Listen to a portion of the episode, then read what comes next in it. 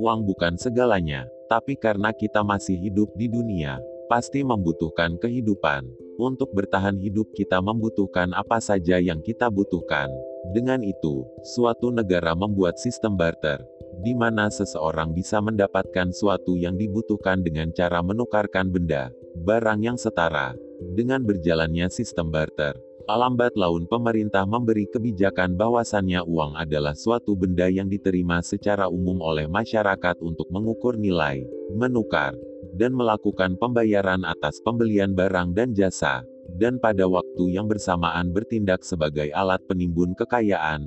Jika seseorang menginginkan suatu benda, mungkin itu bisa dibeli, ditukar dengan uang. Tapi jika kebahagiaan atau kesenangan seseorang itu tidak bisa dibeli, ditukar dengan uang, sebaliknya, kita harus mencarinya.